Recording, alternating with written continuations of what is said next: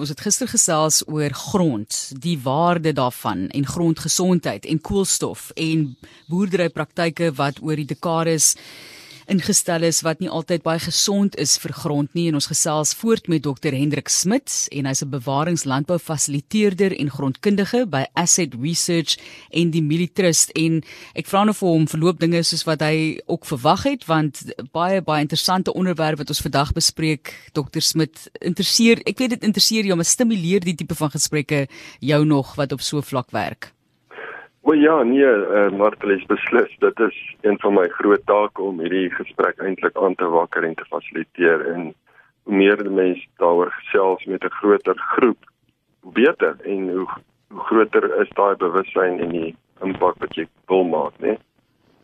Ek het verwys na al soveel keer, dis nou die laaste keer wat ek nog gaan verwys na die dokumentêr Kiss the Ground. Dit was die inspirasie vir hierdie gesprekke en daar het hulle gesê ook as jy kyk na die hoeveelheid selle teenoor organismes in ons liggaam is daar amper meer eh, daar is meer organismes eintlik as wat ons onsself is maar die waarde van wat in die grond is want as daai balans en die gesondheid van die organismes in die grond nie reg is nie dan is dit wat ons in ons liggame sit ook benede die standaard wat ons eintlik vir onsself moet bied. So net vinnig om vir mense by die gesprek in te bring wat nie gister kon luister nie. Daar is 'n potgooi op die webblad daarvan beskikbaar onder potgooi en dan 360, maar hoekom is gesonde grond so belangrik en waar staan ons tans? Uh, ja, dankie Martelis. Ja, gister het ons mos nou gesels oor uh, daar nou te veel koolstof in die atmosfeer beland het.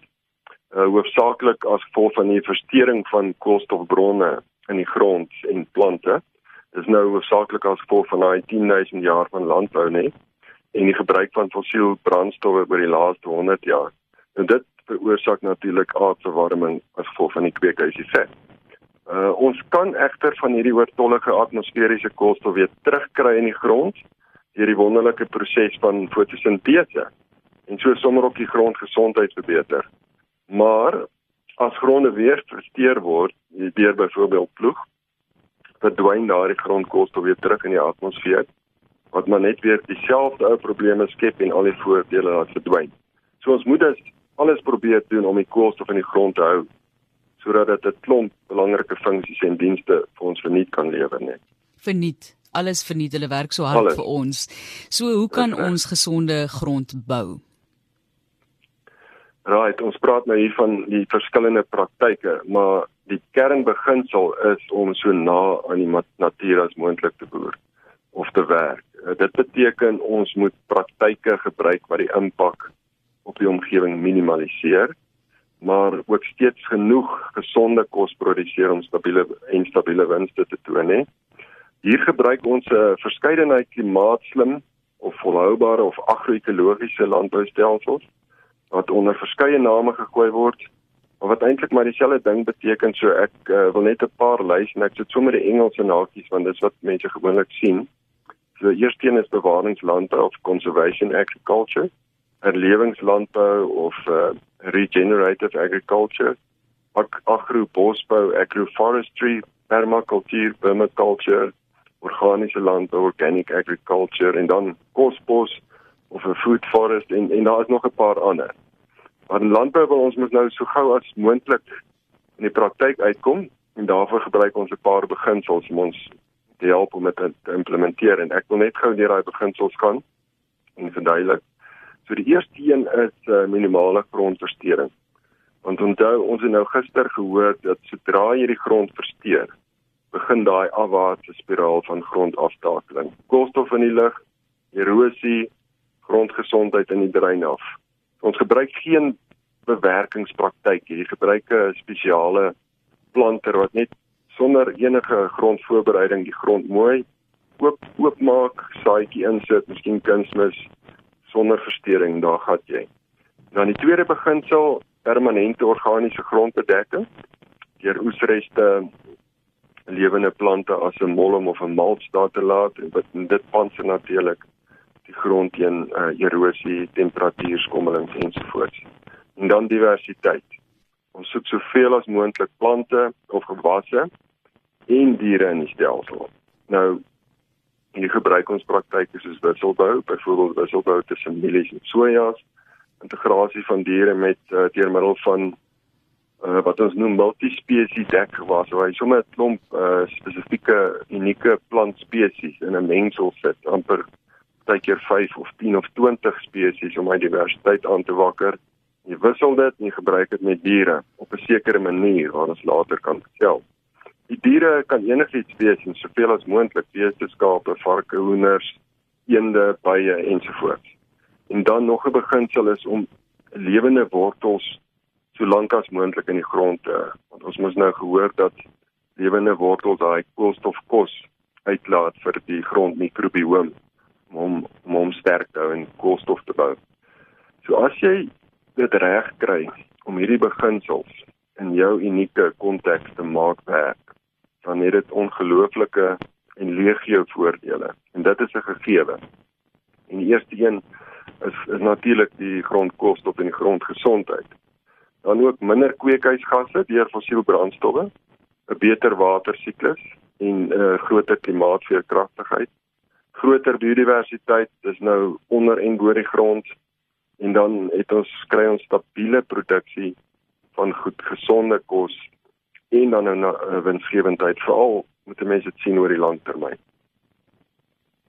Jy luister na 360, ons fokus op grond en soos hy gesê het, die rol en die samevatting of vashou van koolstof in die grond en die feit dat dit vrygelaat is en ons kyk nou na die gesondheid van grond en klimaatsverandering. Baie vra ook oor die eh, rol van diere sê jy Dr Smit en praktyke soos die impak daarvan op klimaatsverandering. Wat is jou siening daarvan? Ja, dit het ons letterlik oor oor uh, diere en veral beeste wat ehm, 'n um, probleem skep maar ehm um, ek ek wil net sê dat net soos enige ander praktyk kan diere veral dan nou plaasdiere soos beeste en skape 'n negatiewe of positiewe omgewingsimpak het. En dit hang natuurlik nou net af van hoe jy dit implementeer en bestuur. Ons weet van die groot metaanvrystellings wat beeste het. Uh en dit is natuurlik 'n erge kweekhuisgas, ehm um, asook gronderosie waar daar uh, byvoorbeeld iets soos oorbeweiding is maar as die regte herlewingslandbouweidingspraktyk gevolg word, kan veeboerdery 'n baie positiewe impak hê. Ja, soos dat hierdie metaankoolstof weer in die grond vasgelê word en die grondgesondheid asook die biodiversiteit herstel word. So weer eens, hier is 'n baie interessante voorbeeld in die natuur uh wat ons probeer naboots in landbou. Ehm um, en ons weet nou dat oor miljoene jare is grond en plante ontwikkel onder die weidingsimpak van miljoene herbivore. Wat hier van bokke so springbokke in Afrika en bisons in Amerika wat wat nou in groot troppe oor die landskap getrek het en dan binne 'n jaar of so weer teruggekom het na 'n lang rusperiode. 'n Goeie hedendaagse voorbeeld is is daai blouwille beeste en zebras in die Serengeti wat in sulke groot troppe trek, né? Waar hierdie massiewe digte troppe gewy het vir 'n uur of 2 en dan weer aanbeweeg, het hulle 'n groot positiewe impak op die grond, koolstof en die gesondheid. Nou asook op die gras en wortelgroei gehad. En deur die trapaksie wat lê, die mis, die urine, die speeksel wat die grond vrugbaar gemaak het. En letterlik kom daai wese uh, of die dier se mikrobiom met die grond mikrobiom in aanraking kom kombineer hulle kragte basies. Nou, ons probeer in lande om hierdie natuurlike stelsel na te boots en ons noem dit hoë digtheid of ultra hoë digtheid veiding in Engels mob grazing. Net 'n ander punt ehm um, hieroor 70% van ons land en dan ook die wêreld kan net deur vee of dan nou wild benut word. Met ander woorde, dit is nie geskik vir gewasverbouing nie. Uh vee of wildboerdery is met ander woorde die ekonomiese hartklop van daai streke ons sien ook uh, dat indien hierdie streke ons uh, praat net veral van ons grasveld en savannas karoo streke nie ordentlik deur herbivore bewy word nie gaan lagteruit. So dit lei tot weer eens tot grondkoolstofverlies, uh, verlies aan biodiversiteit en op die einde vir woestyne. So herbivore het hierdie wonderbaarlike vermoë om andersins onbenutbare plantmateriaal om te skakel in hoë kwaliteit voedsel uh, soos vleis en melk en dan nog 'n baie positiewe impak op die omgewing te hê. Dit eh, kan letterlik uh, gedegradeerde landskappe met goeie weidingspraktyke restoreer. En dan gesels ons nou oor boere en jy het nou vroeër verwys na verskeie boerepraktyke En ek wil hierdie boere moet ook gestel. Stuur my SMS. Ek weet dit is nie maklik om dinge om te keer nie. Dit is baie moeilik as jy het nou al daai implemente, het al daai masjinerie wat 'n sekere werk doen en nou word daar gevra om dinge dalk op 'n ander manier te doen, Dr Smit. So hoe baie boere in Suid-Afrika wêreldwyd is besig om van die praktyke wat jy verwys het gebruik te maak en waar in Suid-Afrika? Ja, in 2018-19 was daar 'n opname in die wêreld en daar's bevind dat 205 miljoen hektaar onder bewaringslandbou in die wêreld is en ons uh, uh in in lande veral soos uh, VSA, Kanada, Suid-Amerika, Suid-Amerika soos Brasilië, Argentinië, Australië en Nieu-Seeland het 'n het 'n baie groot aanvaarding van hierdie praktyke.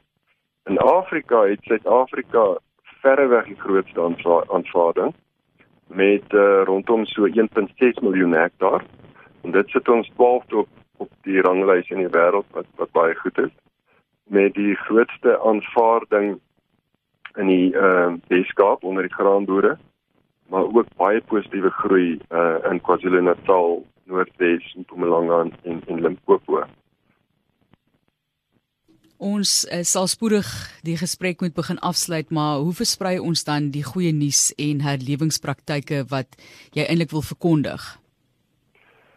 Ja, maar Felies, dit is eintlik belangrik. Ehm um, die teorie klink maklik en dit is eintlik maklik, maar in in ehm um, werklikheid het het boere 'n reuse kopskuif. Noem dit sommer kwantum kwantum sprong nodig want alles verander. Ehm um, maar die transformasie reis begin maar by bewustheid. Die verstaan van hierdie probleme en die oplossing.